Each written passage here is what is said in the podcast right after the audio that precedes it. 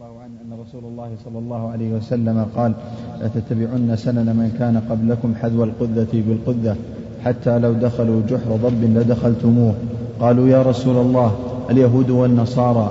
قال فمن؟ أخرجاه. ولمسلم عن, عن ولمسلم عن ثوبان رضي الله عنه أن رسول الله صلى الله عليه وسلم قال إن الله زوالي الأرض فرأيت مشارقها ومغاربها وإن أمتي سيبلغ وإن أمتي سيبلغ ملكها ما زوي لي من الأرض وإني ما زوي لي منها. أحسن الله وما زوي لي منها وإني أعطيت الكنزين الأحمر والأبيض.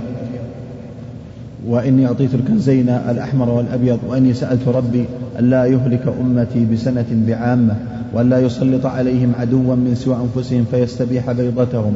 وإن ربي قال يا محمد إني إذا قضيت قضاء فإنه لا يرد. وإني وإني سألت ربي فإن وإني أعطيتك لأمتك وإني أعطيتك لأمتك ألا أهلكهم بسنة بعامة وألا أسلط عليهم عدوا من سوى عدوا سوى من سوى أنفسهم فيستبيح بيضتهم فيستبيح بيضتهم ولو اجتمع عليهم من بأقطارها حتى يهلك حتى يكون بعضهم يهلك بعضا ويسبي بعضهم بعضا.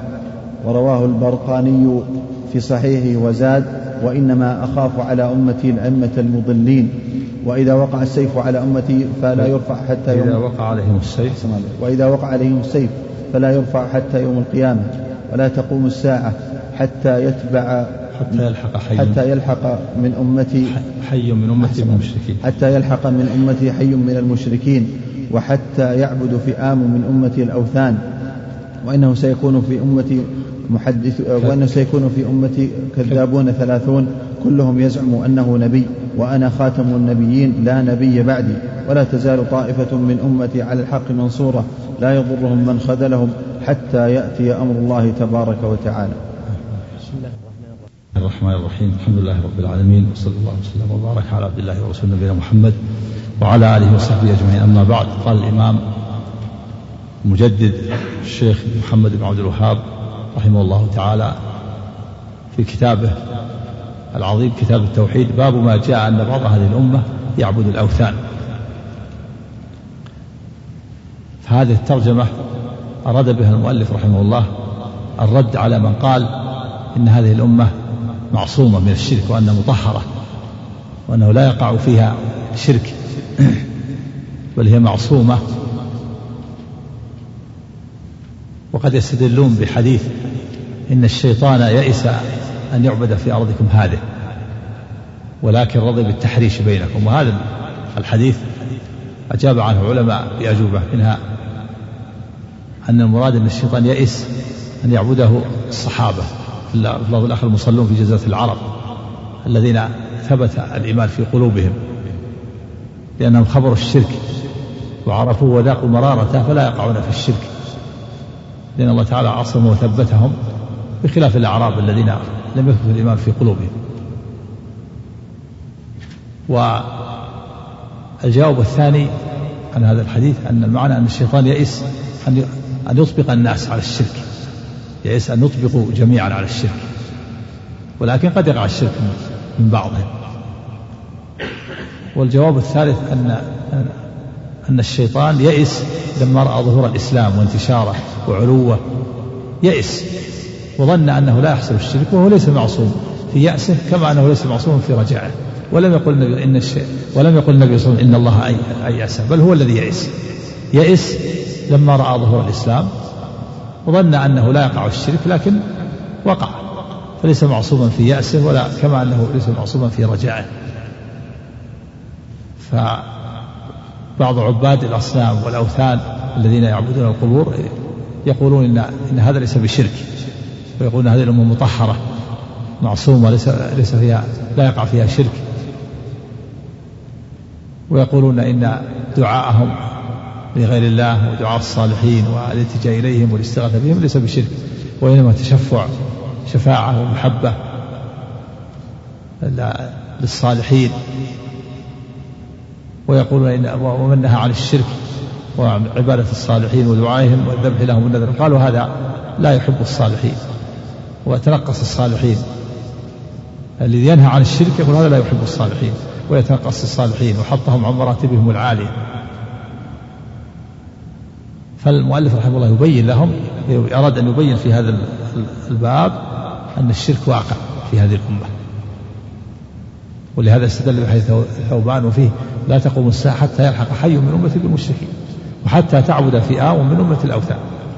قد ثبت في الحديث الصحيح النبي صلى الله عليه وسلم قال لا تذهب الليالي والأيام حتى تعبد اللات والعزى. وقال عليه الصلاة والسلام لا تقوم الساعة حتى تضطرب آليات نساء دوس عند ذي الخلصة. هو صنم صنم لدوس. هدم ثم أعيد فعاد مرة ثانية.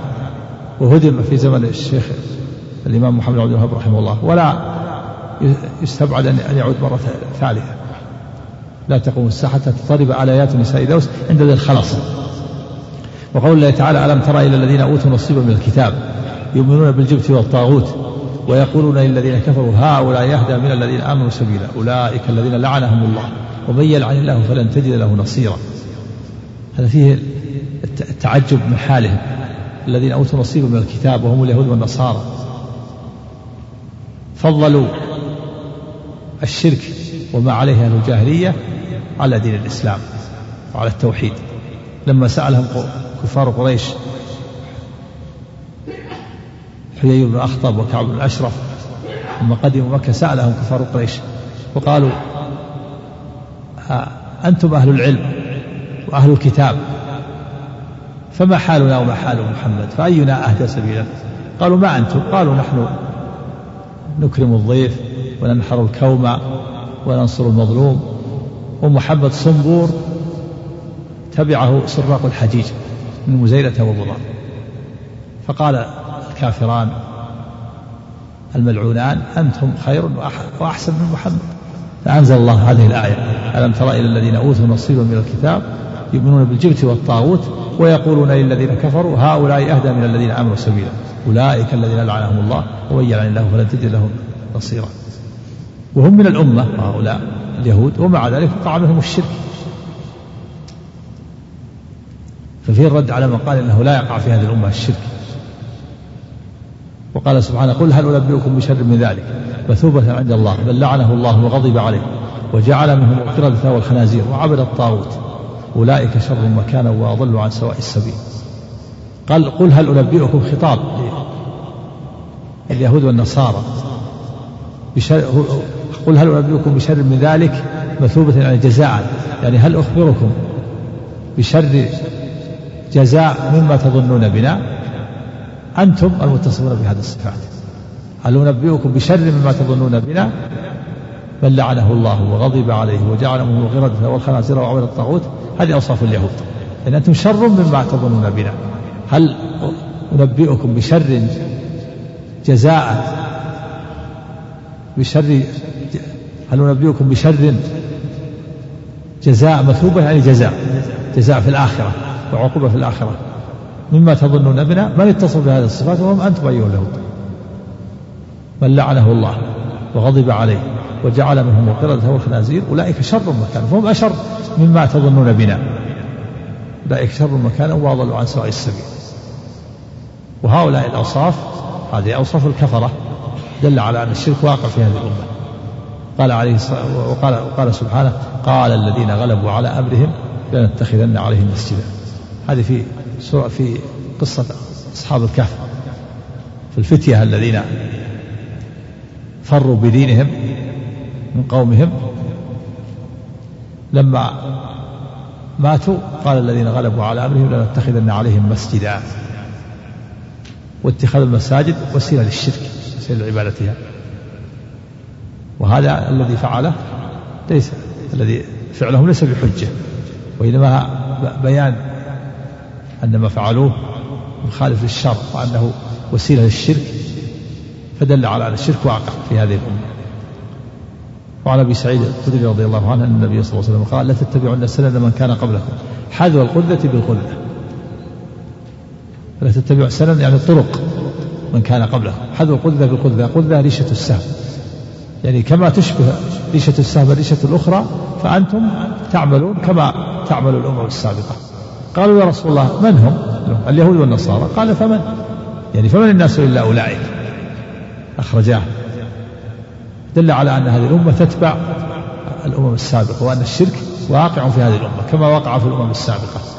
فدل على وفيه الرد على من قال إن هذه الأمة مطهرة معصومة من الشرك. ولمسلم عن ثوبان رضي الله عنه مولى النبي صلى الله عليه وسلم. عن النبي صلى الله عليه وسلم قال إن الله زوالي الأرض فرأيت مشارقها ومغاربها وإنه سيبلغ ملك أمتي ما زوي منها. هذا من دلائل النبوة عليه الصلاة والسلام حيث أن الله زوى له الأرض وكشف له وجمعت زويت له وكشف له عنها كأنه ينظر إليها وأنه رأى مشارقها ومغاربها كأن كأنها في كف هذه من الآيات العظيمة من خصائص النبي صلى الله عليه وسلم ومن دلائل نبوته. وإن وإنه سيبلغ ملك أمتي ما زوي لي منها.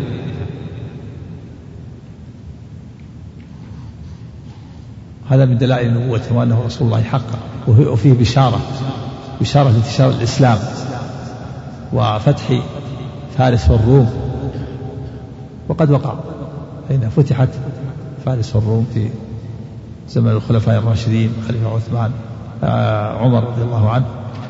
ثم توسعت الفتوح. وأعطيت الكنزين الأحمر والأبيض. كنزين الذهب والفضة الأحمر والفضة كنز الأحمر الذهب كنز قيصر روم. والأبيض الفضة لأن الغالب وهو كنز كسرى الغالب عند الكياسرة والفرس الجواهر والفضة والغالب عند القياصرة الذهب. وقد فتحت فارس والروم وأتي بكنوزهما وأنفقت في سبيل الله. كما قال عيسى الذي نفسه بيده لتنفقن كنوزهما في سبيل الله. أتي كنوز كسرى وقيصر لعمر رضي الله عنه. وأعطيت الكنزين الأحمر والأبيض. وإن ربي أعطاني ألا يهلك لي ألا ألا يهلك أمتي بسنة بعامة وألا يسلط عليهم عدو من سوى أنفسهم فيستبيح بيضتهم. وإن ربي قال يا محمد إذا قضيت قضاء فإنه لا يرد. هذا القضاء المبرد المبرم الذي لم يعلق لا يرد. فالقضاء قضاءان قضاء مبرم غير معلق بشيء. وهناك قضاء معلق. قد يعلق القدر مثلا بالدعاء. يعلق مثلا طول العمر بصلة الرحم. وهكذا. هناك قضاء مبرم لا يعلق بشيء.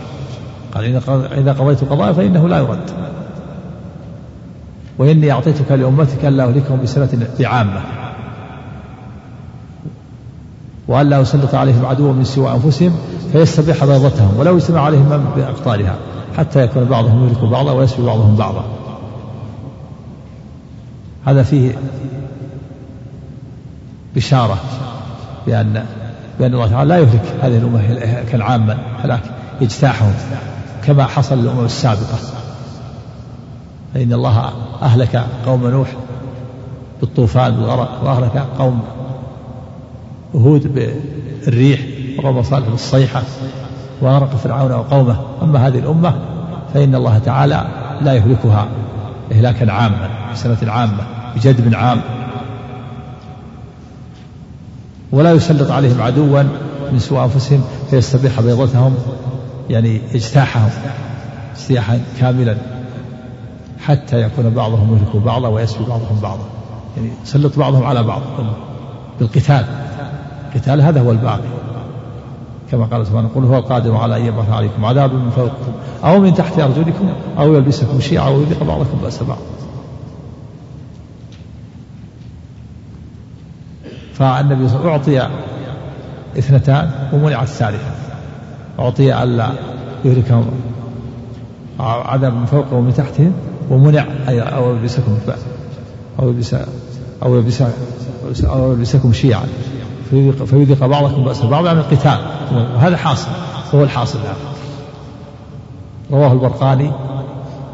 وزاد وإنما أخاف على على أمتي الأئمة المضلين وهم العلماء والأمراء. فإذا ضلوا ضل الناس. لأنهم هم قدوة الناس هم الذين يقودون الناس. فإذا فسد العلماء وفسد الأمراء فسد الناس.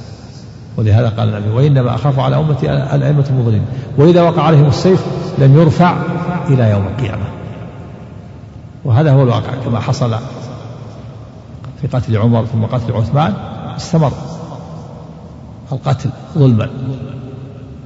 ولا تقوم الساعة حتى يلحق حي من أمة بالمشركين وحتى تعبد فئام من أمة الأوثان هذا هو الشاهد الحديث. في دليل على أن الشرك واقع في هذا. الرد على من قال أنه لا يقع. حتى تلحق حي من أمتي حتى يلحق حي من أمتي. قبائل. يلحق قبائل المشركين وحتى تعبد فئام والفئام هم الجماعات الكثيرة. وحتى تعبد فئام من أمة الأوثان. ولا تقوم الساعة حتى ولا ولا تقوم ولا تقوم الساعة حتى يلحق حي من أمة المشركين. وحتى يعبد فئام من أمة الأوثان. ولا تقوم الساعة حتى يد نعم. وإنه سيكون في أمتي كذابون ثلاثون. كلهم يزعم أنه نبي. وأنا خاتم النبي لا نبي بعدي. هذا وقع. من يدعي النبوة ثلاثون يعني من له شوكة له شوكة ونفوذ. أما من لم, لم يكن من لم يكن له شوكة ولا نفوذ أو كان يدعي النبوة لمرض في عقله أو لخلل في رأسه هذا كثير. لكن المراد كذابون ثلاثون لهم شوكة يكون لهم أتباع بخلاف الذي ليس له شوكة بخلاف الذي قاله عن جنون وعن هوس. هذا كثير هؤلاء كثيرون لكن المراد كذابون ثلاثون يكون لهم شوكة ويكون لهم أتباع. قد ظهر الأسد العنسي في اليمن ادعى النبوة وقتل في زمن النبي صلى الله عليه وسلم وادعى النبوة آه، مسيلمة الكذاب.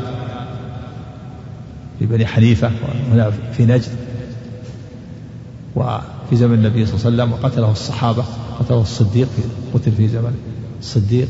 وطلحت الأسد ادعى النبوة ثم تاب وأسلم وسجاح التميمية كذلك امرأة ادعت النبوة. ثم المختار بن أبي عبيد الثقفي بعد ذلك ادعى النبوة وهم كثيرون.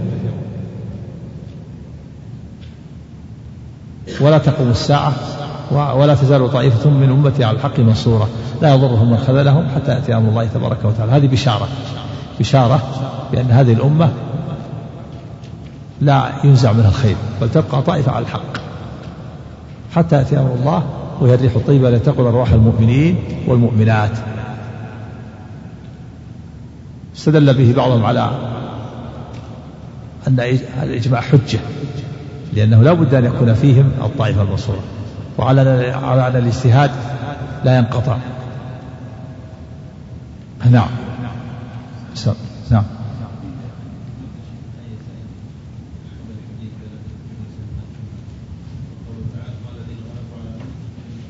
نعم. تكلمنا عليه. نعم نعم. نعم. نعم. حقيقية. الله تعالى قدر هذا وهذا. قدر أن يطول عمره بصلة الرحم وقدر أن هذا يقصر عمره بقطيعة الرحم. مكتوب السبب والمسبب. نعم. ها؟ ثم إيش؟ إيش فيها؟ لا. ما, ما تهلك الأمة كلها. يعني مجاعات في في جهات. نعم. بسم الله الرحمن الرحيم. نعم. ما ما أعرف شيء لكن صح المقصود أن الله كتب هذا. كتب أنه طول عمره بصلة رحمه. نعم. بسم الله الرحمن الرحيم. الحمد لله رب العالمين. صلى الله وسلم وبارك على نبينا محمد وعلى آله وصحبه أجمعين. اللهم صل قال الشيخ عبد الرحمن بن حسن رحمه الله تعالى. قال المصنف رحمه الله تعالى باب ما جاء أن بعض هذه الأمة يعبد الأوثان. وقول الله تعالى ألم تر إلى الذين أوتوا نصيبا من الكتاب يؤمنون بالجبت والطاغوت؟ الوثن يطلق على ما قصد بنوع من أنواع العبادة من دون الله من القبور والمشاهد وغيرها بقول الخليل عليه الصلاة والسلام إنما تعبدون من دون الله أوثانا وتخلقون إفكا مع قوله قالوا نعبد أصناما فنظل لها عاكفين وقوله أتعبدون ما تنحتون؟ فبذلك يعلم أن الوثن يطلق على الأصنام وغيرها. نعم الوثن عام كل ما عبد من دون الله. والصنم ما عبد على صورة ما كان على صورة يسمى صنم. وما كان على غير صورة يسمى وثن. فالوثن عام يشمل ما كان على صورة وعلى غير صورة؟ والصنم خاص بما عبد على صورة. نعم. وكل منه يسمى وثن. نعم. فبذلك يعلم أن الوثن يطلق على الأصنام وغيرها مما عبد من دون الله كما تقدم في الحديث. وقوله يؤمنون بالجبت والطاغوت روى ابن أبي حاتم عن أكرمة قال جاء حيي بن أخطب وكعب بن الأشرف إلى أهل مكة فقالوا لهم أنتم أهل الكتاب وأهل العلم فأخبرونا عنا وعن محمد. فقالوا ما أنتم وما محمد؟ فقالوا نحن نصل الأرحام. وننحر الكوم ونسقي الماء على اللبن ونفك العنات ونسقي الحجيج. ونفك ونفك العنات. العنات. أو العنات. كذا يعني العاني الأسير. جمع عاني وهو الأسير. والكوماء سمينة من الإبل. نعم. الناقة السمينة. نعم. ونفك العنات ونسقي الحجيج. ومحمد صنبور قطع أرحامنا واتبعه سراق الحجيج من غفار فنحن خير أم هو؟ فقالوا أنتم خير وأهدى سبيلا. فأنزل الله تعالى ألم تر إلى الذين أوتوا نصيبا من الكتاب يؤمنون بالجبت والطاغوت ويقولون للذين كفروا هؤلاء أهدى من الذين آمنوا سبيلا. وفي مسند أحمد عن ابن عباس رضي الله عنهما نحوه قال عمر بن الخطاب رضي الله تعالى عنه الجبت السحر والطاغوت الشيطان. وكذا قال ابن عباس وأبو العالية ومجاهد والحسن وغيرهم. وعن ابن عباس وعكرمة وأبي مالك الجبت الشيطان زاد ابن عباس بالحبشية. وعن ابن عباس رضي الله عنهما أيضا الجبت الشرك وعنه الجبت الأصنام وعنه الجبت حيي بن أخطر وعن الشعبي الجبت الكاهن. وعن مج... الجبت عام. نعم عام يشمل الشيطان والكاهن والساحر. نعم. وعن مجاهد الجبت كعب بن الأشرف. قال الجوهري الجبت كلمة تقع على الصنم والكاهن والساحر ونحو ذلك. نعم كلها عام عامة لكن هذا تفسير لها ببعضها. نعم. اسمع عليك. قال المصنف وفيه معرفة الإيمان بالجبت والطاغوت في هذا الموضع. هل هو اعتقاد قلب أو هو موافقة أصحابها مع بغضها ومعرفة بطلانها؟ قال المصنف رحمه الله تعالى وقوله تعالى قل هل وفيه إيش وفيه قال المصنف وفيه معرفة الإيمان بالجبت والطاغوت في هذا الموضع. هل هو اعتقاد قلب أو هو موافقة أصحابها مع بغضها ومعرفة ومعرفة بطلانها؟ لابد إذا اعتقد بقلبه نعم. وكذلك إذا عرف أصحابه وأبغضهم وأنكرهم وابتعد عنهم فإنه يسلم. أما إذا وافقهم يكون مثلهم. نعم. أحسن عليكم. قال المصنف رحمه الله تعالى وقوله تعالى قل هل أنبئكم بشر من ذلك مثوبة عند الله؟ من لعنه الله وغضب عليه وجعل منهم القردة والخنازير وعبد الطاغوت؟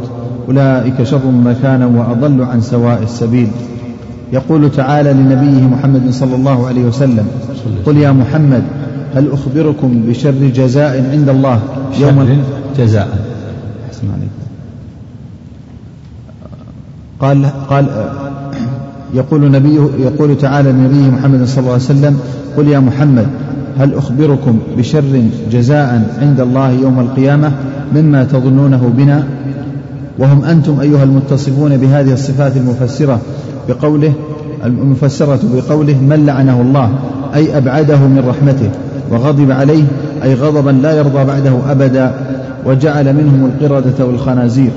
وقد قال الثوري عن علقمة بن مرثد عن المغيرة بن عبد الله عن المعرور بن سويد إن ابن مسعود رضي الله عنه قال سئل رسول الله صلى الله عليه وسلم عن القردة والخنازير أهي مما مسخ الله؟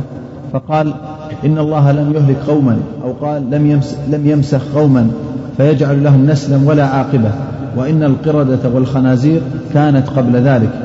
ورواه مسلم. المعنى أن القردة والخنازير الموجودة أمتان أمتان من الأمة. خنازير أمة والقردة أمة والكلاب أمة وليست الممسوخة. اللي مسخهم الله من بني إسرائيل لا يعيشون كما جاء في ما يعيش أكثر من ثلاثة أيام. الممسوح ولا ينسف ولا يعقل. المنسول لا ينسف القردة الخنازير ليست نسلا للخنازير والقردة الذين مسخوا كما جاء الحديث. وإنما وإنما القردة والخنازير أمتان من الأمم. والقردة الخنازير الذين مسخهم الله ماتوا. بعد ثلاثة أيام. لم ينسلوا نعم. أحسن عليكم. ليكون الأصح أن يقال إخوان القردة بدل أبناء القردة والخنازير. إيه أبناء ما أبناء. نعم. نعم. جاء في الحديث أنه في يكون فيها مسخ وقذف وخسف نسأل الله السلامة والعافية. نعم. أحسن عليك قال البغوي في تفسيره قل يا محمد هل أنبئكم؟ أخبركم. بشر من ذلك يعني قولهم لم, لم نرى أهل دين أقل حظا في الدنيا والآخرة منكم ولا دينا شرا من دينكم. فذكر الجواب بلفظ الابتداء كقوله قل أفأنبئكم قل أفأنبئكم بشر من ذلكم النار؟ وقوله مثوبة ثوابا وجزاء. نصب على التفسير. عند الله من لعنه الله وغضب عليه وجعل منهم القردة والخنازير فالقردة أصحاب السبت والخنازير كفار مائدة عيسى. وعن علي بن أبي طلحة عن ابن عباس رضي الله عنهما أن المسخين كلاهما من أصحاب السبت فشبابهم مسخوا قردة ومشايخهم مسخوا خنازير. وعبد الطاغوت أي وجعل منهم من عبد الطاغوت أي أطاع الشيطان فيما سول له. وقرأ ابن مسعود وعبدوا الطاغوت وقرأ حمزة و و وعبد الطاغوت. و وعبد عبد الطاغوت. جاء مقول الخنازير وعبد الطاغوت نعم. قال وعبد الطاغوت بضم الباء وجر التاء. ها؟ وعبد الطاغوت. عبد. وعب نعم. وإيش؟ إيش؟ بضم إيش؟ في عدة في عدة قراءات نعم. في بضم بضم الباء وجر التاء. عبد و عبدي بضم إيش؟ بضم الباء وجر التاء. وعبد الطاغوت. وعبد الطاغوت نعم. وعبد الطاغوت بضم الباء وجر التاء. أراد العبد. وهما لغتان عبد بجزم الباء وعبد بضمها. اللغتان نعم. عبد وعبد. نعم. مثل سبع وسبع. سبع وسبع. عبد وعبد. نعم. وقرأ الحسن وعبد الطاغوت على الواحد. وفي وفي تفسير الطبرسي قرأ حم قرأ حمزة وحده وعبد الطاغوت. إيش تفسير من؟ وفي وقال وفي تفسير الطبرسي. كذا. قال في الحاشية الطبري. طبري في نسخة الطبري الطبري هو الطبري قال وهو أبو يعلى الفضل بن الحسن الطبرسي لغوي مفسر شيعي محترق. كيف؟ روضات الجنة قال أحسن لك في نسخة الطبري إيه. ثم قال تحريف وهو أبو يعلى الفضل بن الحسن الطبرسي. يعني الطبرسي غير الطبري. الطبري معروف الإمام طبرسي بالنسبة إلى طبرستان. عندكم كذا؟ في نعم. نعم. نعم. أحسن الله قال وفي تفسير الطبرسي قرأ حمزة وحده وعبد الطاغوت بضم الباء وجر التاء والباقون وعبد الطاغوت بنصب الباء وفتح التاء. وقرأ ابن عباس وابن مسعود وإبراهيم النخعي والأعمش وأبان بن تغلب وعبد وعبد الطاغوت. وعبد الطاغوت. وعبد الطاغوت نعم. وعبد الطاغوت بضم العين والباء وفتح جمع عابد. نعم. بضم العين والباء وفتح الدال وخفض التاء. قال وحجة حمزة في قراءته وعبد الطاغوت أنه يحمله على ما عمل فيه. جعل كأنه وجعل منهم عبد الطاغوت. ومع يحمله على إيش؟ قال أحسن عليك. أنه يحمله على ما عمل على ما عمل فيه جعل. كأنه وجعل منهم عبد الطاغوت. ومعنى جعل خلق كقوله وجعل الظلمات والنور. وليس عبد وليس عبد لفظ جمع لأنه ليس من أبنية الجموع شيء على هذا البناء. ولكنه ولكنه واحد يراد به الكثرة. ألا ترى أن في الأسماء المفردة المضافة إلى المعارف ما لفظه لفظ الإفراد ومعناه الجمع كما في قوله وإن تعدوا نعمة الله لا تحصوها ولأن بناء فعل يراد به المبالغة المبالغة والكثرة. نحو يقض ودنس وكأن تقديره أنه قد ذهب في عبادة الطاغوت كل أنه قد ذهب في عبادة الطاغوت كل مذهب. وأما من فتح فقال وعبد الطاغوت فإنه عطفه على بناء المضي الذي في الصلة وهو قوله لعنه الله. وأفرد الضمير في عبد وإن كان المعنى فيه الكثرة لأن الكلام محمول على لفظه دون معناه وفاعله ضمير من كما أن فاعل إيش؟ فأفرد. أحسن عليك. قال وأفرد الضمير في عبد وإن كان المعنى فيه الكثرة لأن الكلام محمول على لفظه دون معناه وفاعله ضمير من؟ كما أن فاعل الأمثلة المعطوفة المعطوف عليها ضمير من. فأفرد فأفرد لحمل ذلك جميعا على اللفظ. وأما قوله عبد الطاغوت فهو جمع عبد. وقال أحمد بن يحيى عبد جمع عابد. كبازل وبزل وشارف وشرف.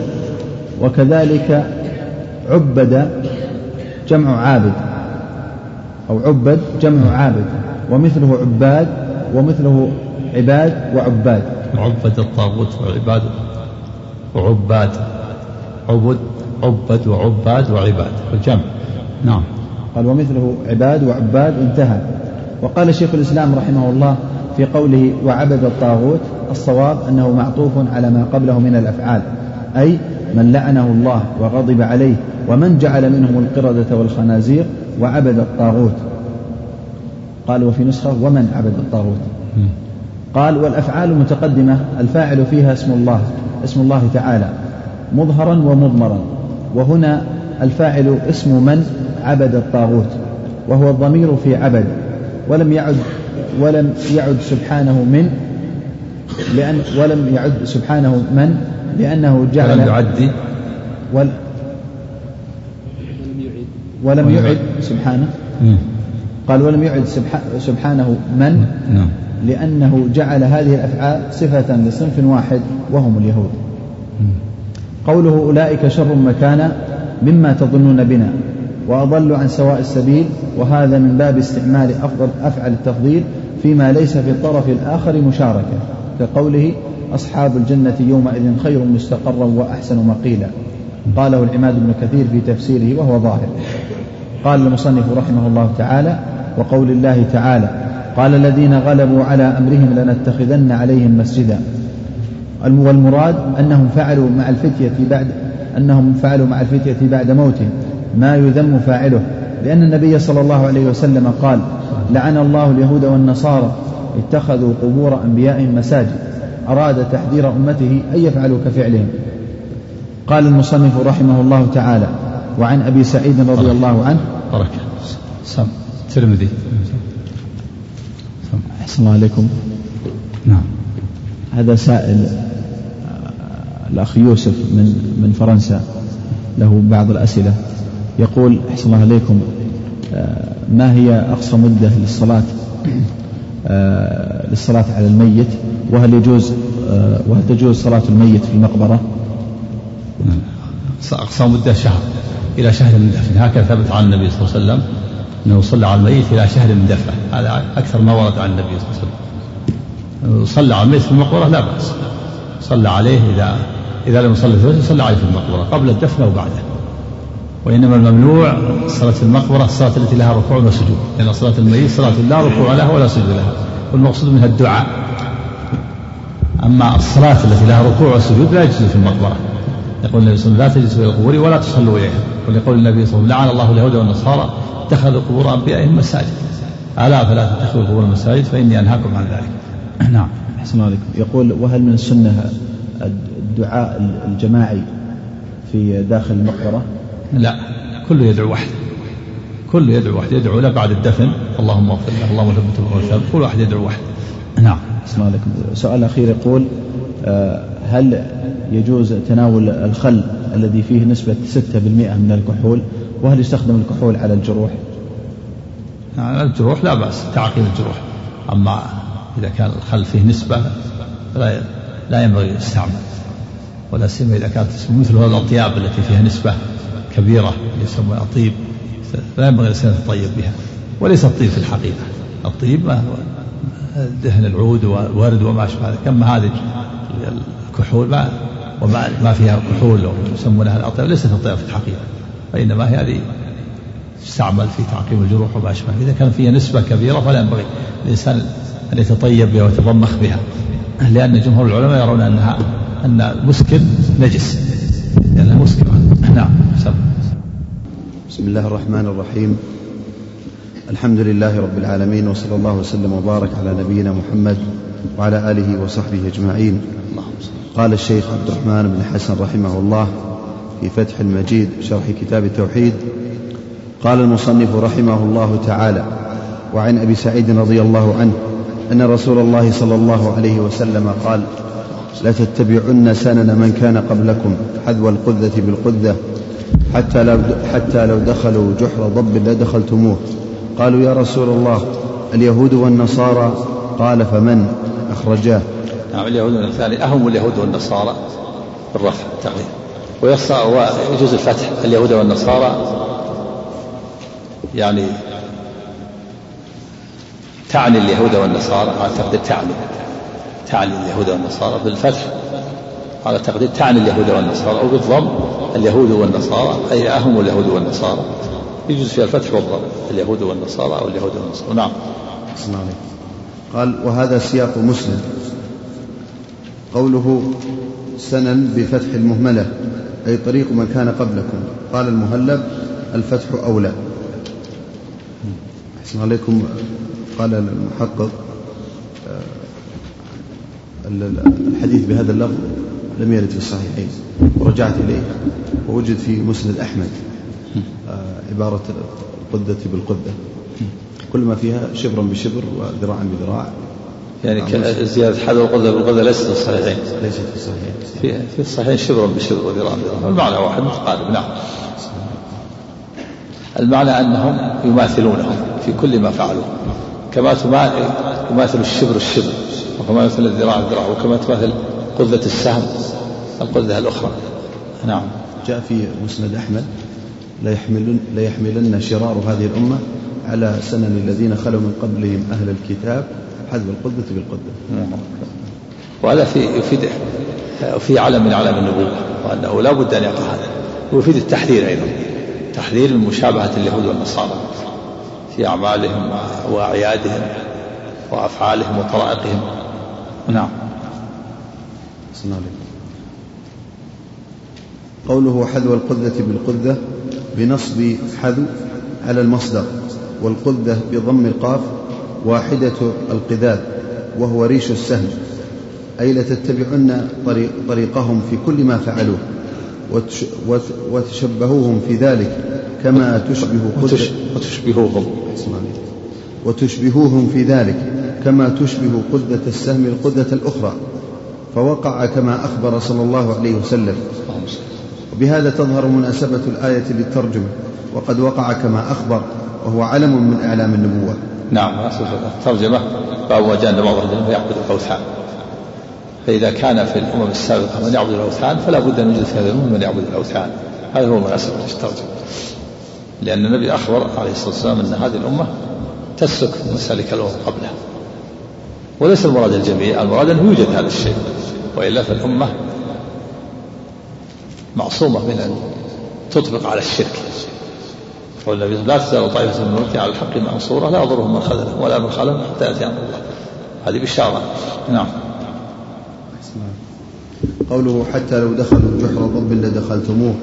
وفي حديث آخر حتى لو كان فيهم من يأتي أمه علانية لكان في أمتي من يفعل ذلك. أراد صلى الله عليه وسلم أن أمته لا تدع شيئا مما كان يفعله اليهود والنصارى إلا فعلته كله إلا فعلته كله. لا تترك منه شيئا. ولهذا قال سفيان بن عيينة رحمه الله من فسد من علمائنا ففيه شبه من اليهود ومن فسد من عبادنا ففيه شبه من النصارى. انتهى.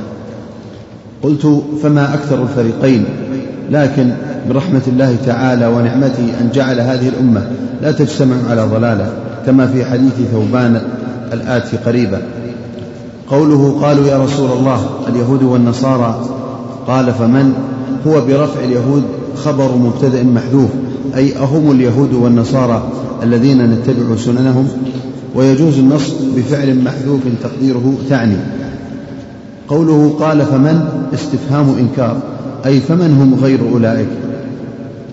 قال المصنف رحمه الله تعالى ولمسلم عن ثوبان رضي الله عنه أن رسول الله صلى الله عليه وسلم قال إن الله زوى لي الأرض فرأيت مشارقها ومغاربها وإن أمتي سيبلغ ملكها ما زوي لي منها وأعطيت الكنزين الأحمر والأبيض وإني سألت ربي لأمتي ألا يهلكها بسنة بعامة وألا يسلط عليها عدوا من سوى أنفسهم وألا يسلط عليهم عدوا من سوى أنفسهم فيستبيح بيضتهم. وإن ربي قال يا محمد إذا قضيت قضاء فإنه لا يرد وإني أعطيتك لأمتك ألا أهلكهم بسنة بعامة وألا أسلط عليهم عدوا من سوى أنفسهم فيستبيح بيضتهم. ولو اجتمع, ولو اجتمع عليهم من بأقطارها حتى يكون بعضهم يهلك بعضا ويسبي بعضهم بعضا.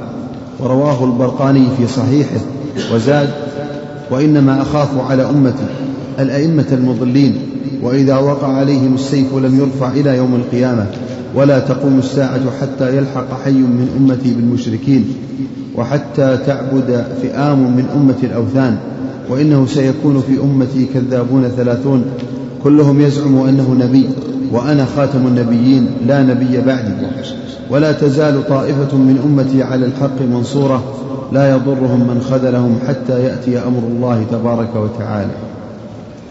هذا الحديث رواه أبو داود في سننه وابن ماجه بالزيادة التي ذكرها المصنف. قوله عن ثوبان هو مولى النبي صلى الله عليه وسلم. ورضي الله عنه صحبه ولازمه ونزل بعده الشام ومات بحمص سنة, سنة أربع وخمسين. قوله زوى لي الأرض قالت تور بشتي زويت زويت الشيء جمعته وقبضته. يريد تقريب البعيد منها حتى اطلع عليها اطلاعه على القريب. وحاصله أنه طوى له الأرض وجعلها مجموعة كهيئة كف في مرآة ينظره. الله أكبر. وهذا من قدرة الله العظيمة. من دلائل قدرة الله العظيمة. التي لا يعجزه شيء.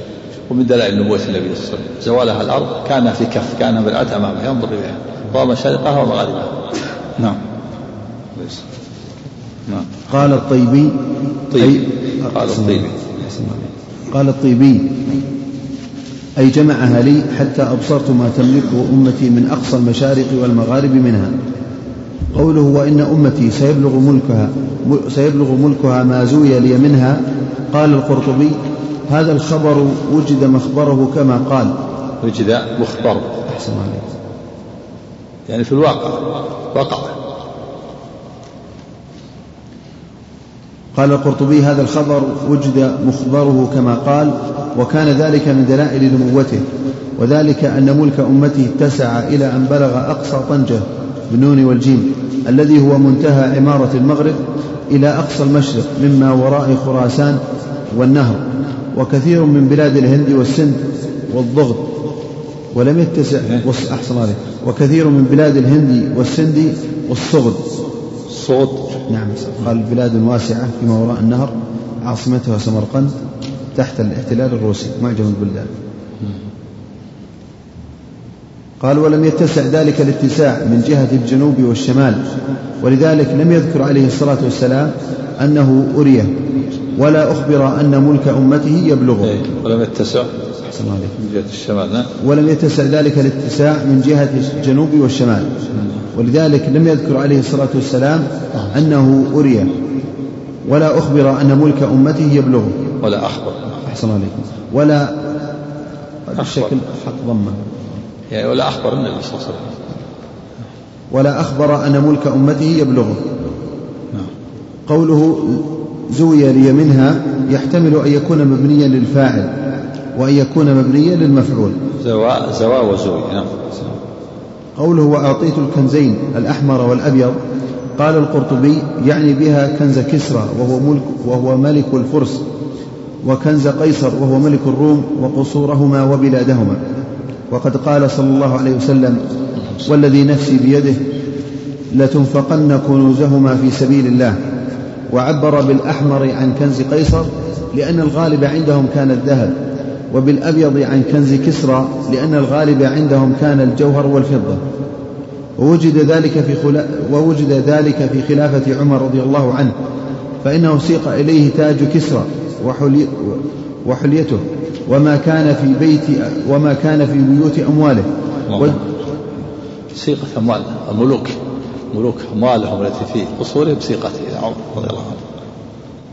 عمر الخليفة الذي ينام في المسجد مرقع الثياب وحده سيقة إليه كنوز كسرى وقيصر هكذا نصر الله.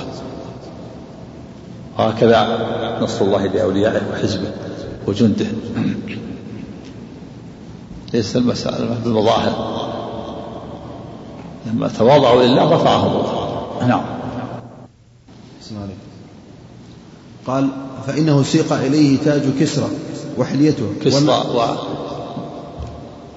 دولة الفرس ودولة الروم دولتان عظيمتان في ذلك الوقت في زمن النبوة. يعني يسيطران على العالم. مثل روسيا وأمريكا عندنا الآن. في هذا في هذا الزمن. ومع ذلك خذلهم الله ومزقت بلادهم. والان المسلمين إذا عادوا إلى الله ورجعوا إلى الله تمزق هاتان الدولتان. الآن روسيا مزقت مزقت الآن وفي الشيشان والحمد لله انتصارات عظيمة. وأمريكا كذلك سوف تهزم إن شاء الله. بداية ضعف هذا الحادث هذا بداية انهياره هذا الحادث هذا بداية انهياره في دليل على أنها تهزم. وأن المسلمين إذا نصروا نصروا الله نصرهم الله. وأنها مهما أوتيت من قوة فقوتها ليست شيء. أمام الله. كم من فئة قليلة غير فئة كثيرة بإذن الله. المهم النصر والصدق نصر الله والصدق مع الله. من يصدق الله يصدق إن تنصروا الله يصدق ويثبت أقدامكم نعم. نعم. قال فإنه سيق إليه تاج كسرى وحليته وما كان في بيوت أمواله وجميع ما حوته مملكته على سعتها وعظمتها. وكذلك فعل الله بقيصر والأبيض والأحمر منصوبان على البدل قوله ووجد ذلك في خلافة عمر رضي الله عنه. فإنه سيق إليه تاج كسرى وحدته وما كان في بيوت أمواله وجميع ما حوته مملكته على سعتها وعظمتها. وكذلك فعل الله بقيصر والأبيض والأحمر منصوبان على البدل قوله وإني سألت ربي لأمتي ألا يهلكها بسنة بعامة. هكذا ثبت في أصل المصنف رحمه الله تعالى بعامة بالباء وهي رواية وهي رواية صحيحة في صحيح مسلم وفي بعضها بحذفها.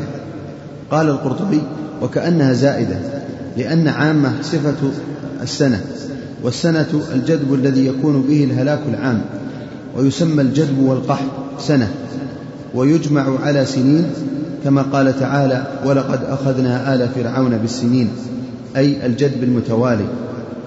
قوله وأن لا يسلط عليهم عدوا من سوى أنفسهم أي من غيرهم من الكفار من إهلاك بعضهم بعضا وسبي بعضهم بعضا كما هو مبسوط في التاريخ فيما قبل وإلى زماننا هذا نسأل الله العفو والعافية. نعم. وهذه الأشياء يكون بينهم هذه الأشياء التي سألها النبي صلى الله عليه وسلم ولم يعطها ولهذا وفي هذا الحديث حتى يهلك بعضهم بعضا. سأل النبي ربه ألا يهلكهم بسنة العام بجدب العام أو عدو يجتاحهم هذا أعطيها لكن حتى يكون بعضهم يهلك بعض الحروب والفتن فيما بينهم. كما قال سبحانه قل هو القادر على أن يبعث عليكم عذابا من فوقكم أو من تحت أرجلكم أو يلبسكم شيعا ويذيق بعضكم بأس بعض. جاء في تفسير الآية النبي لما نزلت هذه الآية قل هو القادر على أن يبعث عليكم عذاب من فوقكم قال أعوذ بالله أو من تحت أرجلكم قال أعوذ بالله قال أول قال هذه أهون وجاء أيضا في رواية النبي سأل أنه سأل ثلاثة فأعطي اثنتين ولم يعطى الثالثة وهي أعطي ألا لا يعذبهم عذاب من فوقهم أو من تحت أرجلهم ومنع أو يلبسهم شيعا ويذيق بعضهم بأس بعض دل على أن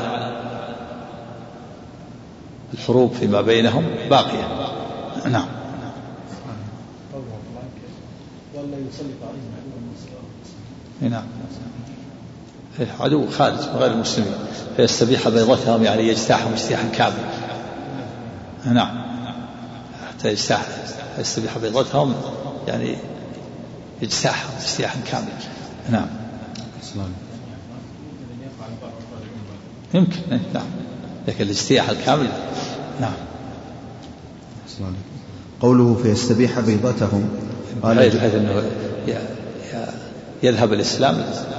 لا يذهب الإسلام. يبقى الإسلام باقي والحمد لله. ولكن يضعف بضعف في قلة العدد. طائفة المنصورة تقل وتكثر. نعم. قوله فيستبيح بيضتهم؟ قال الجوهري في أوقات الفتن وأوقات الحروب يلتبس الأمر على كثير من الناس. وأهل البصيرة وهم قلة لا يخفى عليهم. نعم. قال الجوهري بيضة كل شيء حوزته وبيضة القوم ساحتهم. وعلى هذا فيكون معنى الحديث إن الله تعالى لا يسلط العدو على كافة المسلمين حتى يستبيح جميع ما حازوه من البلاد والأرض.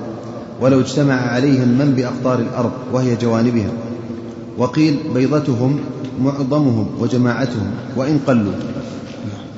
قوله حتى يكون بعضهم يهلك بعضا ويسبي بعضهم بعضا والظاهر أن حتى عاطفة أو تكون لانتهاء الغاية أي أن أمر الأمة أي أن أمر الأمة ينتهي إلى أن يكون بعضهم يهلك بعضا. الحديث وقد يسلط بعضهم على بعض كما هو الواقع وذلك لكثرة اختلافهم وتفرقهم. قوله وإن ربي قال يا محمد إذا قضيت قضاء فإنه لا يرد. قال بعضهم أي إذا حكمت حكما مبرما نافذا فإنه لا يرد بشيء ولا يقدر أحد على رده كما قال النبي صلى الله عليه وسلم ولا راد لما قضيت. قوله ورواه البرقاني في صحيحه. لأن القضاء نوعان. قضاء مبرم وقضاء معلق. فقضاء مبرم لا يرد. كما قال الله وإن ربي قال يا محمد إذا قلت فإنه لا يرد. أما القضاء المعلق يكون معلق بأسباب. معلق بأسباب يكون له سبب. يعني يحصل هذا بسبب كذا. طول عمره بسبب صلة الرحم. قضاء أن يحصل له يموت بسبب كذا.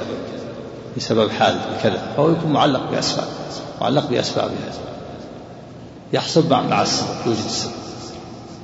أما قضاء المراد فهو الذي معلق بغير سبب. هذا لا يرد وأما المعلق بالسبب فإنه لا يقع حتى يقع السبب. لا بد من وقوع السبب. السبب قبله. نعم.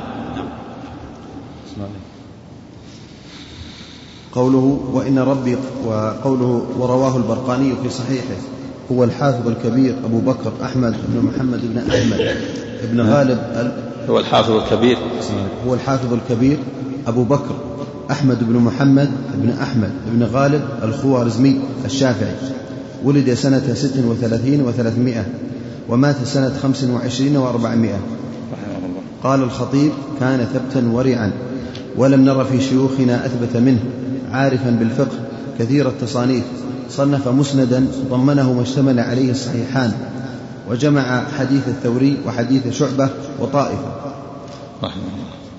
وهذا الحديث رواه أبو داود بتمامه بسنده إلى أبي قلابة عن أبي أسماء عن ثوبان عن أبي أسماء عن ثوبان رضي الله عنه قال قال رسول الله صلى الله عليه وسلم إن الله أو قال إن ربي زوى لي الأرض فرأيت مشارق الأرض ومغاربها وإن ملك أمتي سيبلغ ما زوي لي منها وأعطيت الكنزين الأحمر والأبيض وإني سألت ربي لأمتي ألا يهلكها بسنة عامة ولا يسلط عليهم عدوا من سوى أنفسهم فيستبيح بيضتهم. وإن ربي قال وإن ربي قال لي يا محمد إني إذا قضيت قضاء فإنه لا يرد ولا أهلكهم بسنة عامة ولا أسلط عليهم عدوا من سوى أنفسهم فيستبيح بيضتهم. ولو اجتمع عليهم من ولو اجتمع عليهم من بين أقطارها أو قال بأقطارها حتى يكون بعضهم يهلك بعضا وحتى يكون بعضهم يسبي بعضا. وإنما أخاف على أمتي الأئمة المضلين وإذا وقع السيف في أمتي لم يرتفع عنها إلى يوم القيامة. ولا تقوم الساعة حتى يلحق قبائل من أمتي بالمشركين. حتى يلحق قال ولا تقوم الساعة حتى يلحق قبائل من أمتي بالمشركين وحتى تعبد قبائل من أمتي الأوثان. وإنه سيكون في أمتي كذابون ثلاثون. كلهم يزعم أنه نبي وأنا خاتم النبيين لا نبي بعدي. ولا تزال قبائل ولا فئام قبائل من نعم. طيب. وإنه سيكون في أمتي كذابون ثلاثون كلهم يزعم أنه نبي. وأنا خاتم النبيين لا نبي بعدي. ولا تزال طائفة من أمتي على الحق. قال ابن عيسى ظاهرين. ثم اتفق لا يضرهم من خالفهم حتى يأتي أمر الله. وروى أبو داود أيضا عن عبد الله بن مسعود رضي الله عنه عن النبي صلى الله عليه وسلم أنه قال تدور رحى الإسلام بخمس وثلاثين أو ست وثلاثين أو سبع وثلاثين فإن يهلكوا فسبيل من هلك فإن يهلكوا. فإن يهلكوا فسبيل من هلك وإن يقم لهم دينه وإن يقم لهم دينهم يقم سبعين عاما. قال قلت أمما بقي أو مما مضى؟ قال مما مضى. وروى في سننه أيضا عن أبي هريرة رضي الله عنه قال قال رسول الله صلى الله عليه وسلم يتقارب الزمان وينقص العلم وتظهر الفتن ويلقى الشح ويكثر الهرج قيل يا رسول الله إيها هو؟ قال القتل القتل. نعم. الهرج القتل والفتن ويسيما في آخر الزمان. آخر الزمان تكثر الحروب والقتال. قبيل خروج المهدي والدجال تكون حروب طاحنة كثيرة بين بين النصارى واليهود والمسلمين.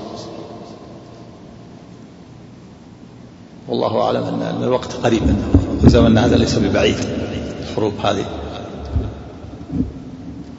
حروب خروج المهدي ثم بعدها الدجال. نسأل الله السلامة والعافية من ذلة الفتن. أعد؟ وروى في سننه أيضا عن أبي هريرة رضي الله عنه قال قال رسول الله صلى الله عليه وسلم يتقرب الزمان وينقص العلم وتظهر الفتن ويلقى الشح ويكثر الهرج. قيل يا رسول الله إيه هو؟ قال القتل القتل. أو أي نعم. إيش؟ أيها؟ أيه أيه هو أيه هو شو عندك قال بالشكل أحسن عليك أي هو. هاء نعم بالهاء. ثم عندكم أي هو. بالهاء. أي. أي هو. قيل يا رسول الله أي هو؟ استفهام استفهام. كأن هذا السكن أي هو. استفهام. عليه تعليق ما عليه إيش؟ قيل يا رسول الله. قيل يا رسول الله أيه هو قال القتل القتل. قوله وإنما أخاف على أمتي الأئمة المضلين أي الأمراء والعلماء والعباد فيحكمون فيهم بغير علم فيضلوهم كما قال تعالى وقالوا ربنا إنا أطعنا سادتنا وكبراءنا فأضلونا السبيل وكان بعض هؤلاء يقول لأصحابه من كان له حاجة فليأتي إلى قبري. قف على قوله وإنما أخاف على أمتي السلام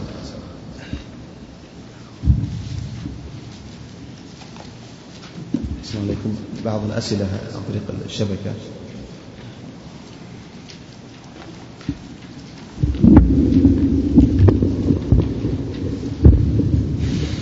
السلام عليكم. هذا السائل من الخرج. الأخ سلطان علي يقول فضيلة الشيخ ما هو الدليل في التفريق بين الصورة الممتهنة وغير الممتهنة؟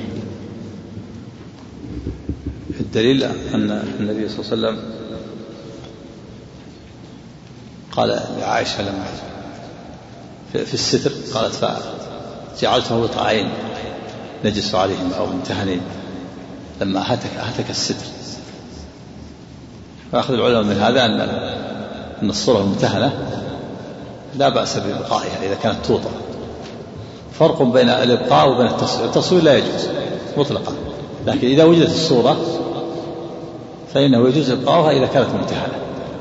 توطى أو تتكى عليها ويجلس عليها. نعم. هذا السائل يقول إذا كان كلا الأبوين كتابيين هل يتبعهما الولد؟ النبي صلى الله عليه وسلم قال فأبوه فهو من الصلاة وبجساده لا ما يلحق بهم إذا كان كلاهما يكون يكون أسلم هو. لكن إذا بلغ إذا بلغ يحاسب وأما قبل ذلك فهو مولود على الفطرة. مولود على مولود على الفطرة. إذا لم يبلغ مرنا الصواب أنه إذا مات من أطفال المشركين في الجنة. إذا ماتوا قبل البلوغ هذا هو الصواب. قال بعض العلماء يمتحن. أما إذا بلغ يكون بلغ يكون مكلف. نعم. الأخ منصور من الطائف يقول هل عذاب القبر فقط للذين ذكرهم الرسول صلى الله عليه وسلم أم لأناس غيرهم؟ وهل هو للمؤمنين والكفار جميعا أم هذا مخصوص للمؤمنين؟ عذاب القبر؟ عذاب القبر ليس خاصا بالمؤمنين وإنما هو ليس خاصا بالكفار بل يكون للمؤمنين. مرنا في درس الأحد في سنن ابن ماجه تنزهوا من البول فإن عامة عذاب القبر منه. عامة عذاب القبر يعني أو إن أكثر عذاب القبر من البول يعني بالنسبة للمسلمين. أكثر عذاب القبر من البول. أما غير المسلمين فإن أسباب عذاب القبر كثيرة. مرنا حديث ابن عباس الذي مر بقبر فقال انهم معذبان ومعذبان في كبير أما احدهما فكان لا يستبر من البول وأما الآخر فكان يمشي بالنميمة. هذا من أسباب عذاب القبر وله أسباب أخرى لم تذكر ليس خاصا بما ذكر له أسباب. في الحديث الآخر الغيبه أيضا كذلك من أسبابه. فله اسباب كثيرة. وهو عام للمؤمن والكفار. لكن الكفار أسباب كثيرة والمؤمنين والمؤمنون أكثر من أسبابه البول كما في الحديث. أكثر عذاب القبر من البول عدم التنزه من البول. نعم. بسم الله الرحمن الرحيم. الحمد لله رب العالمين وصلى الله وسلم وبارك على نبينا محمد وعلى آله وصحبه أجمعين.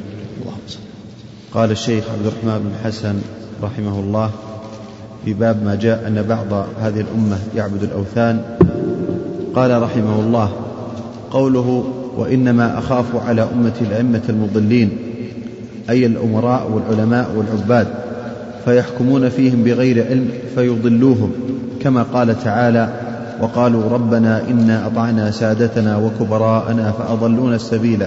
لأن هؤلاء هم قدوة الناس. فالأمراء ينفذون ولهم أتباع والعلماء كذلك والعباد كذلك لهم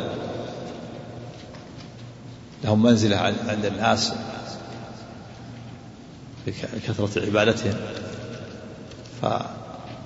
فهؤلاء الأئمة إذا ضلوا ضل الناس. إذا ضل الأمراء والعباد ضل الأمراء والعلماء ضل الناس. ولهذا خاف النبي صلى الله عليه وسلم على أمته. قال إنما أخاف على أمتي الأئمة المضلين نعم.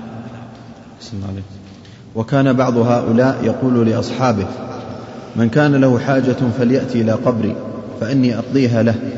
ولا خير في رجل يحجبه عن أصحابه ذراع من تراب أو نحو هذا. هذا دعوة للشرك نسأل الله العافية.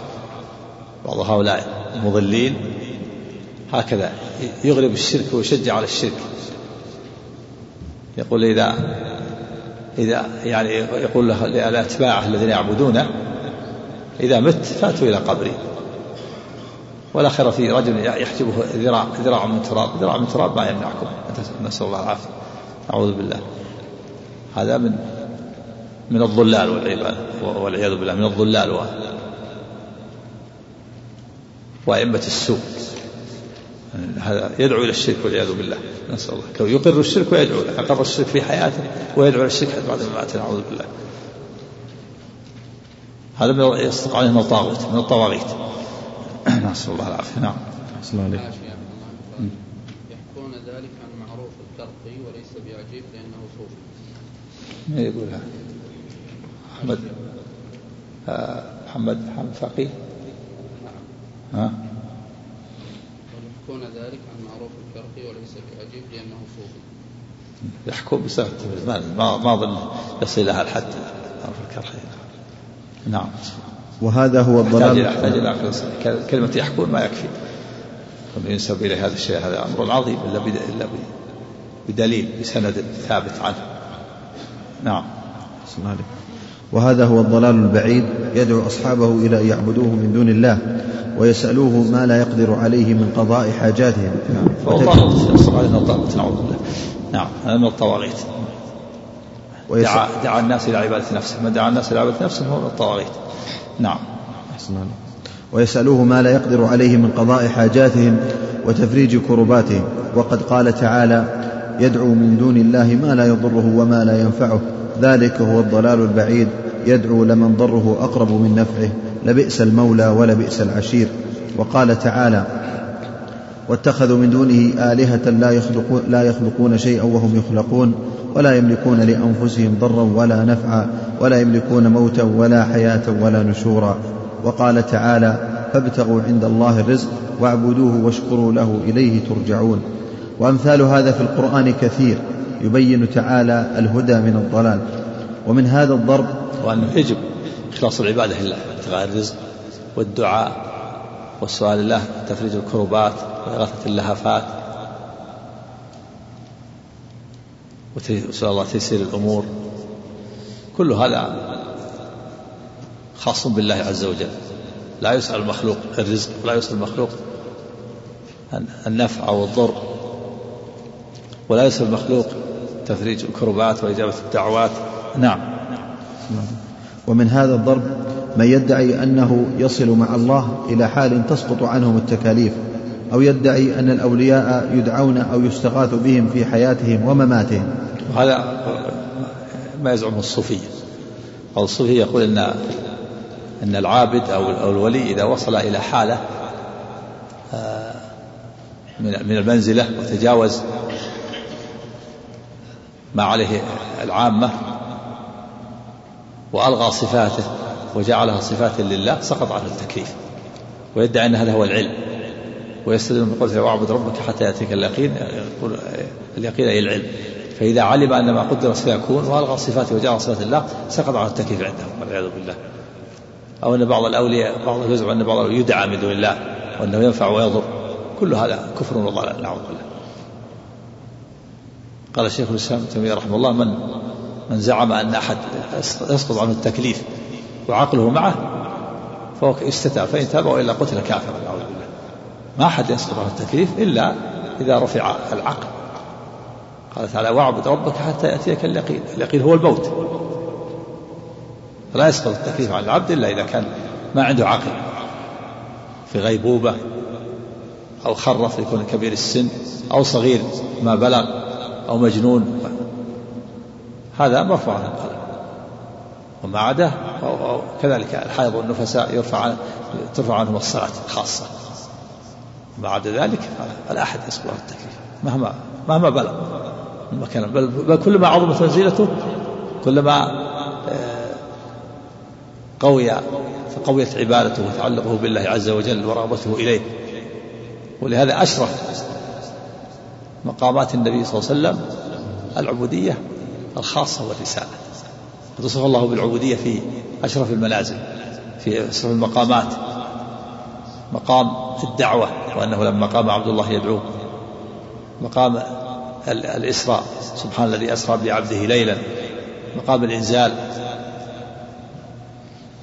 وإن كنتم في ريب مما نزلنا على عبدنا. أشرف مقامات النبي صلى الله عليه وسلم العبودية الخاصة والرسالة فكيف يقال بعد هذا إن هناك أحد يسقط عنه التكليف؟ أو أن أحد يستحق العبادة مع الله. نعوذ بالله. نعم.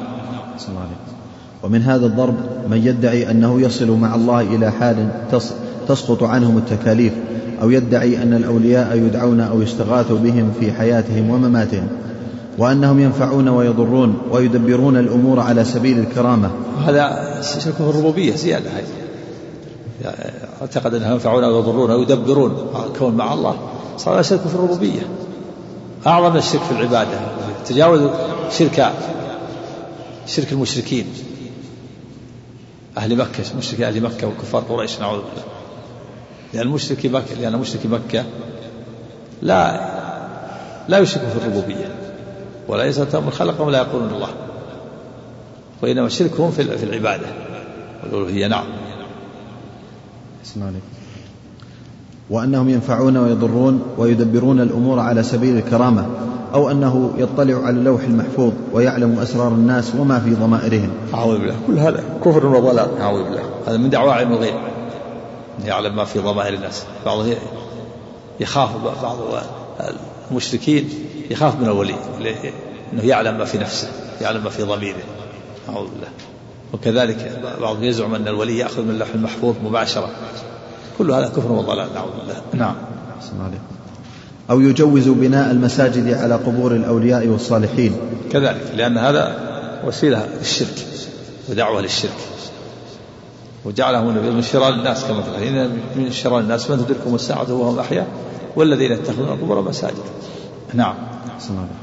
وإيقادها بالسرج ونحو ذلك من الغلو والإفراط والعبادة لغير الله. فما أكثر هذا في فما أكثر هذا الهذيان والكفر. فما أكثر. فما أكثر هذا الهذيان والكفر والمحادة لله ولكتابه ولرسوله. صلى الله السلامة والعافية وقوله صلى الله عليه وسلم وإنما أخاف على على أمتي الأئمة المضلين أتى بإنما التي قد تأتي للحصر بيانا لشدة خوفه على أمته من أئمة الضلال.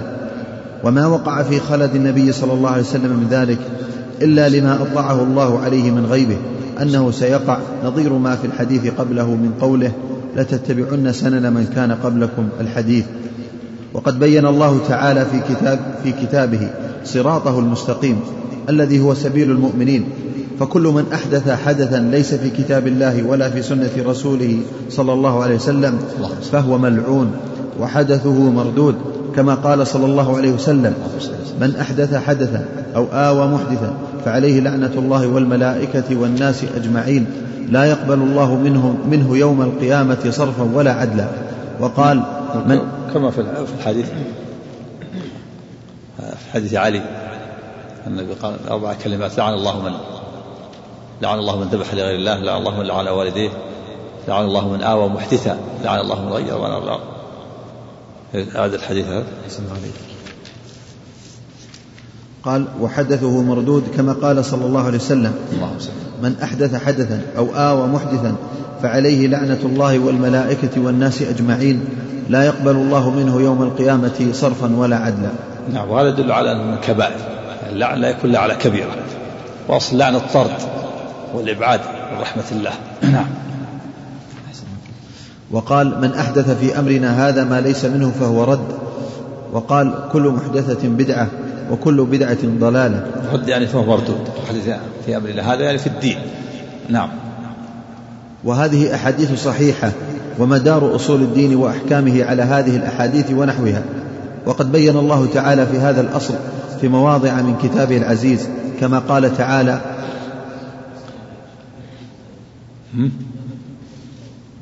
وهو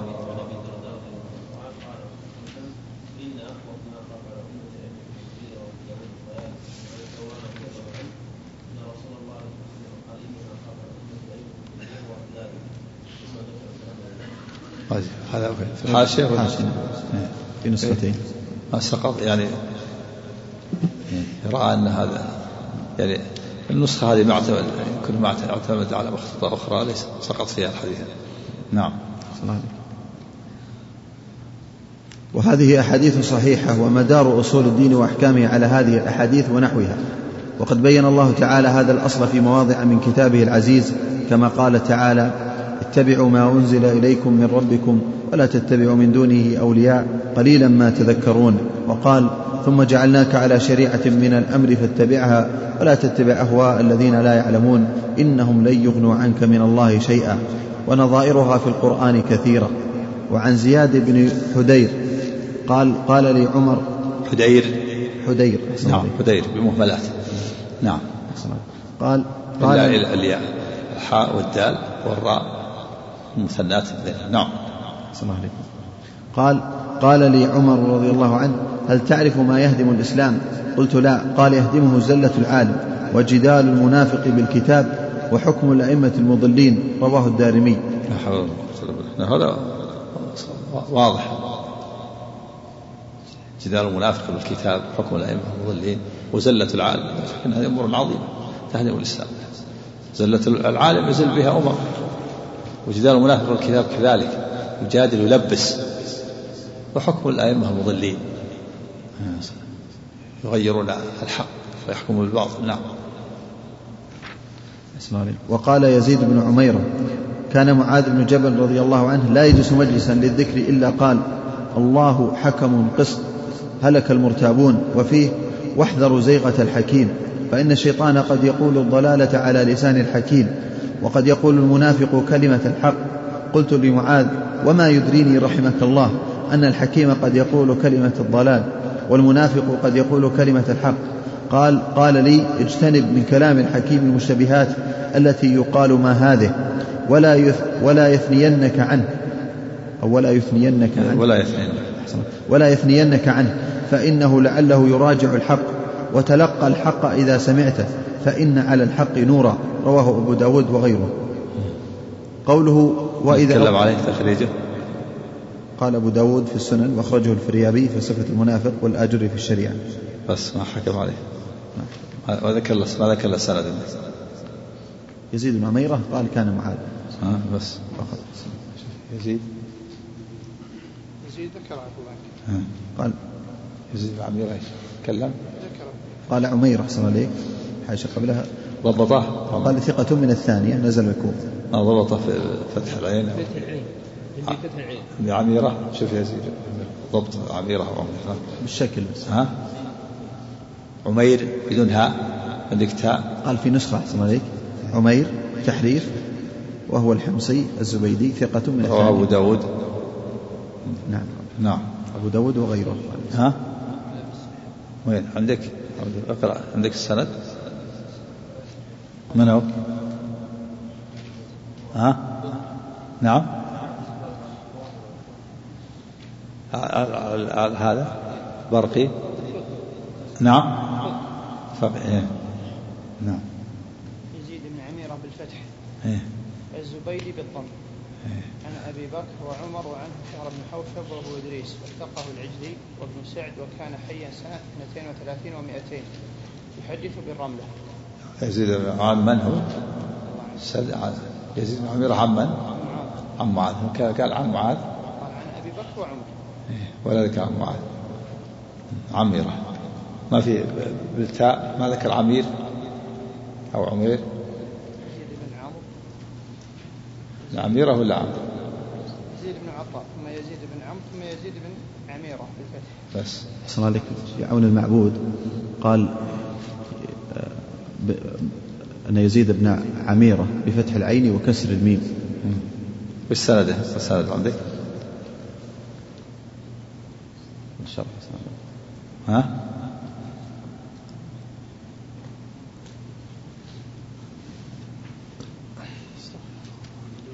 نعم.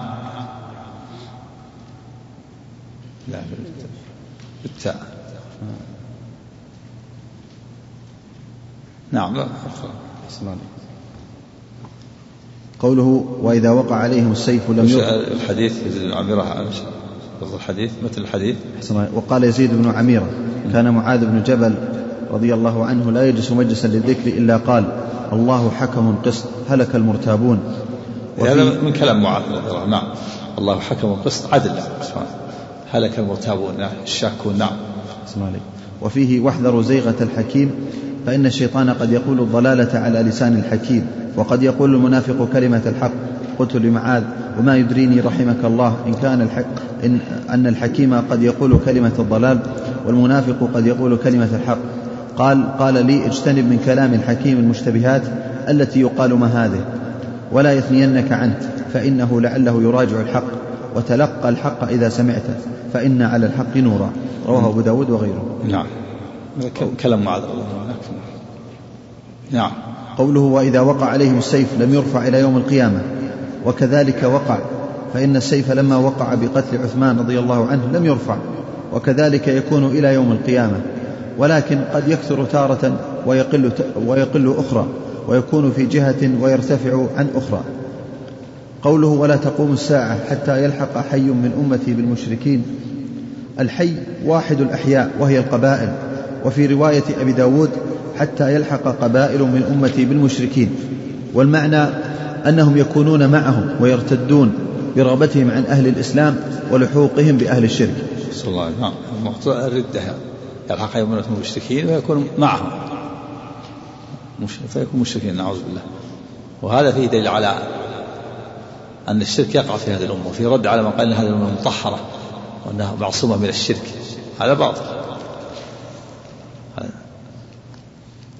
إنما الأمة معصومة في بمجموعها ما تطبق على الشرك. كما في الحديث أن الشيطان يئس أن يعبد في أرضكم هذا. أما الشرك موجود في هذه الأمة. حتى تعبد في آم من أمة الأوثان. لا تقوم الساعة حتى تعبد في آم من أمة الأوثان. في الحديث لا يذهب الليالي. لا تذهب الليالي والأيام حتى تعبد اللات والعزى. لا تقوم الساعة حتى تضطرب آليات نساء دوس عند ذي الخلاصة وصنم. يبعد في الجاهلية. هذه كلها تدل على أن الشرك واقع موجود في هذه الأمة. نعم.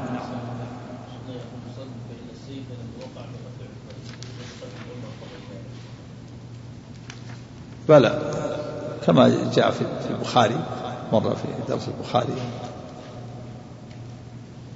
أن لما سأل حذيفة أن عمر لما سأل حذيفة عن الفتن وقال عن الفتن تموج كموج البخر قال إن بينك وبينها بابا يا عمر ليس عليك منها بأس. فقال أيكسر الباب أم يفتح؟ قال يكسر. فقال إن ذلك أحرى ألا ألا يغلق. لو كان يفتح يمكن يغلق لكن إذا كسر ما في حيلة. ف فسئل هل يعلم؟ ذلك قال نعم. قال وسئل حذيفة قال الباب عمر. فهو أول فتن لكن كان يعني أولها آه، قتل عمر لكن بعد ذلك آه، فتح باب الفتن إنما حصل بقتل عثمان. كثر القتل بعد ذلك حصل كثير من الصحابة. نعم. لكن السيف أصلا ذلك اللي هو تقاتل المسلمين. نعم انما حصل بقتل عثمان يعني بعد عثمان نعم. حصل بعده مباشرة وإن كان أول فتن قتل عمر. لكن بعد قتل عثمان حصل القتال. و... نعم. أحسن عليك. قوله حتى تعبد فئام من أمة الأوثان والفئام مهموز الجماعات الكثيرة. قاله أبو السعدات وفي رواية أبي داود وحتى تعبد وحتى تعبد قبائل من أمة الأوثان. وهذا هو شاهد الترجمة ففيه الرد على من قال بخلافه من عباد القبور الجاحدين لما يقع منهم من الشرك بالله بعبادتهم الأوثان وذلك لجهلهم بحقيقة التوحيد وما يناقضه من الشرك والتنديد فالتوحيد هو أعظم مطلوب والشرك هو أعظم الذنوب. وفي معنى هذا الحديث ما في صحيحين عن أبي هريرة رضي الله تعالى عنه مرفوعا لا تقوم الساعة لا تقوم الساعة حتى تضطرب أليات نساء نساء دوس على ذي الخلصة. قال وذو الخلصة طاغية دوس التي كانوا يعبدون في الجاهلية. وروى ابن حبان عن معمر قال إن عليه الآن بيتا مبنيا مغلقا. وقال العلامة ابن القيم رحمه الله في قصة هدم اللات لما أسلم الثقيف فيه أنه لا يجوز إبقاء مواضع الشرك والطواغيت بعد القدرة على هدمها وإبطالها يوما واحدا. وكذلك حكم الم... وكذلك وذلك لأن لأن ثقيف طلبوا من النبي صلى الله عليه وسلم أن يبقيها أن يبقي اللات. بعد أن أسلموا قالوا أن النساء والصبيان يتعلقون بالليت. لو لو تركت ثلاث سنوات فأبى. وطلبوا سنة فأبى. وطلبوا شهر فأبى. فأبى أن يتركها شيئا مسمى. من الزمن ولا ساعة ولا لحظة. دل على مواضع الشرك ومتعبدة المشركين والأوثان ما تبقى بعد القدرة عليه. ولا لحظة. تزال. نعم. الشيخ حمود رحمه الله من تويجري في كتابه الجماعة أن الخلصة عبد على وقت الشيخ محمد الوهاب أي نعم. ذكرنا هذا قبل. هذا هدم على زمن الشيخ محمد الوهاب أمر بهدم وهدم و ويمكن يعود أيضا مرة ثالثة. ليس ببعيد الآن. هذا نعم الآن؟ عنده يقول عنده في جبل حوله شبكة وحوله مكان. أنا ما ما رأيته لكن يقال إنه جعل يعني عليه شيء يعني تكون بعيد عن الناس أو لا يأتوا إليه. المقصود أنه أنه عبد وهدم ثم ويحتمل أنه يعود مرة ثالثة أيضا في آخر الزمان نعم. نعم. 344 انه هدم من من اساسه من اصله على وقت عبد العزيز المعروف أنه في زمن الشيخ محمد بن الوهاب يمكن كان كان بقية له. بقية نعم. وين في ذكره؟ في اتحاد الجماعة. نعم.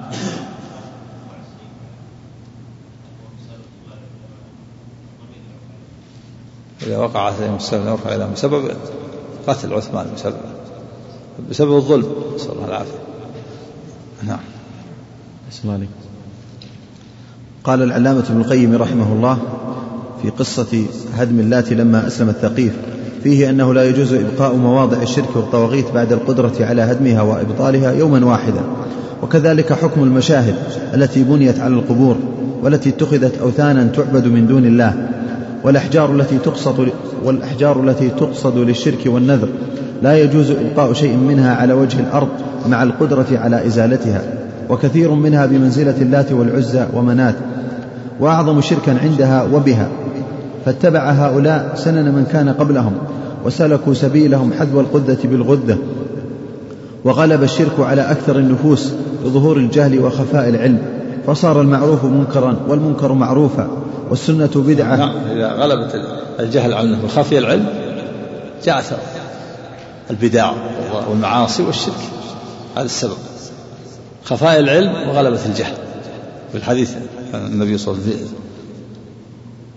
رواه البخاري في الصحيح النبي صلى الله عليه وسلم قال لا تقوم الساعة حتى يقل العلم ويكثر ويظهر الجهل. ويقل النساء ويكثر ويقل الرجال ويكثر النساء حتى يكون الخمسين امرأة قيم واحد. في في آخر الزمان يكثر الجهل ويقل العلم. الآن الجهل كثير. وإن كان كل واحد يقرأ ويكتب فشل القلم الرجال والنساء لكن الجهل كثير. ما كل من يقرأ بعض الناس يظن كل من يقرأ ويكتب هذا يكون طالب علم لا. يقرؤون ويكتبون وهم جهال. من الصحفيين وغيرهم. كل الآن يكتب في الصحافة وليسوا جهال ولا ما أكثر من الجهل في هذا الزمن. ولا يقيس الإنسان مثلا في مكان واحد أو في مثلا في في نجد أو في وسط الجزيرة أو كذا لكن إذا قست الآن العالم ككل الآن تجد الجهل جهل منتشر. كثير من الناس الآن التبس عليهم ما يعرف التوحيد من الشرك. وتجد الآن الأسئلة أيضا كذلك تنظر تجد الأسئلة التي تأتي تدل على أن هناك جهل كثير. نعم. صلى الله عليكم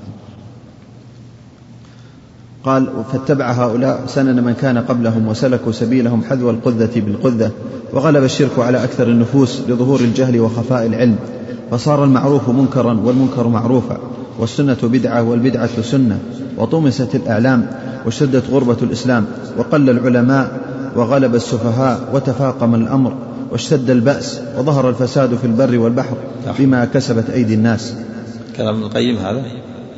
أو نعم نعم نعم. قال ولكن لا تزال طائفة من العصابة المحمدية بالحق قائمين ولأهل الشرك والبدع مجاهدين إلى أن يرث الله الأرض ومن عليها وهو خير الوارثين. انتهى ملخصا. نعم كما قال لا تزال طائفة من أمتي على الحق منصورة لا يضرهم من خذلهم الخلق حتى في آخر الحديث هذا. نعم. أحسن عليك قلت فإن كان هذا في القرن السابع وقبله فما بعده أعظم فسادا كما هو الواقع. نعم. وهذا في القرن السابع في زمانه. ولكن الآن في القرن الخامس عشر كل ما تأخر الزمن كل ما ازداد الأمر شدة كما قال أنس رضي الله عنه لا يأتي عام إلا والذي بعده شر منه حتى تلقوا ربكم. سمعته من نبيكم محمد صلى الله عليه وسلم. رواه البخاري في الصحيح. نعم. أحسن عليكم.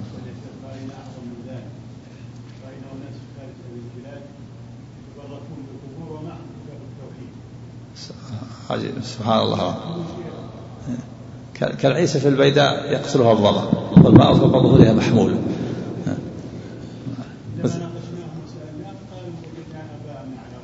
نسأل الله العافية. يحمل يحملون كتاب التوحيد لكن ما يعرفون ما فيه ما قرأوا وينبغي أن يفهموا يبين لهم ما في هذا الكتاب قبل أن يعطوا يعني يبين لهم يدرسون. ما يكفي إعطائهم كتاب التوحيد يدرسون ويبين ويقرؤونه ويتفهمونه حتى يعرفوا ما فيه. نعم. بسم الله قوله وإنه سيكون في أمتي كذابون ثلاثون كلهم يزعم أنه نبي. قال القرطبي رحمه الله وقد جاء عددهم معينا في في حديث حذيفة. قال قال رسول الله صلى الله عليه وسلم يكون في أمتي كذابون دجالون سبع وعشرون منهم أربع نسوة. أخرجه أبو نعيم وقال هذا حديث غريب. انتهى. وحديث ثوبان أصح من هذا. قال قال القاضي عياض حديث ثوبان هو حديث الباب نعم. قال القاضي عياض عد من تنبأ من زمن لرسول الله صلى الله عليه وسلم إلى الآن إيش؟ قال أحسن الله قال القاضي عياض. عددنا؟ عد. عد نعم, نعم. عد من تنبأ من زمن رسول الله صلى الله عليه وسلم إلى الآن ممن اشتهر بذلك وعرف واتبعه جماعة واتبع ممن اشتهر. ممن اشتهر بذلك وعرف واتبعه جماعة على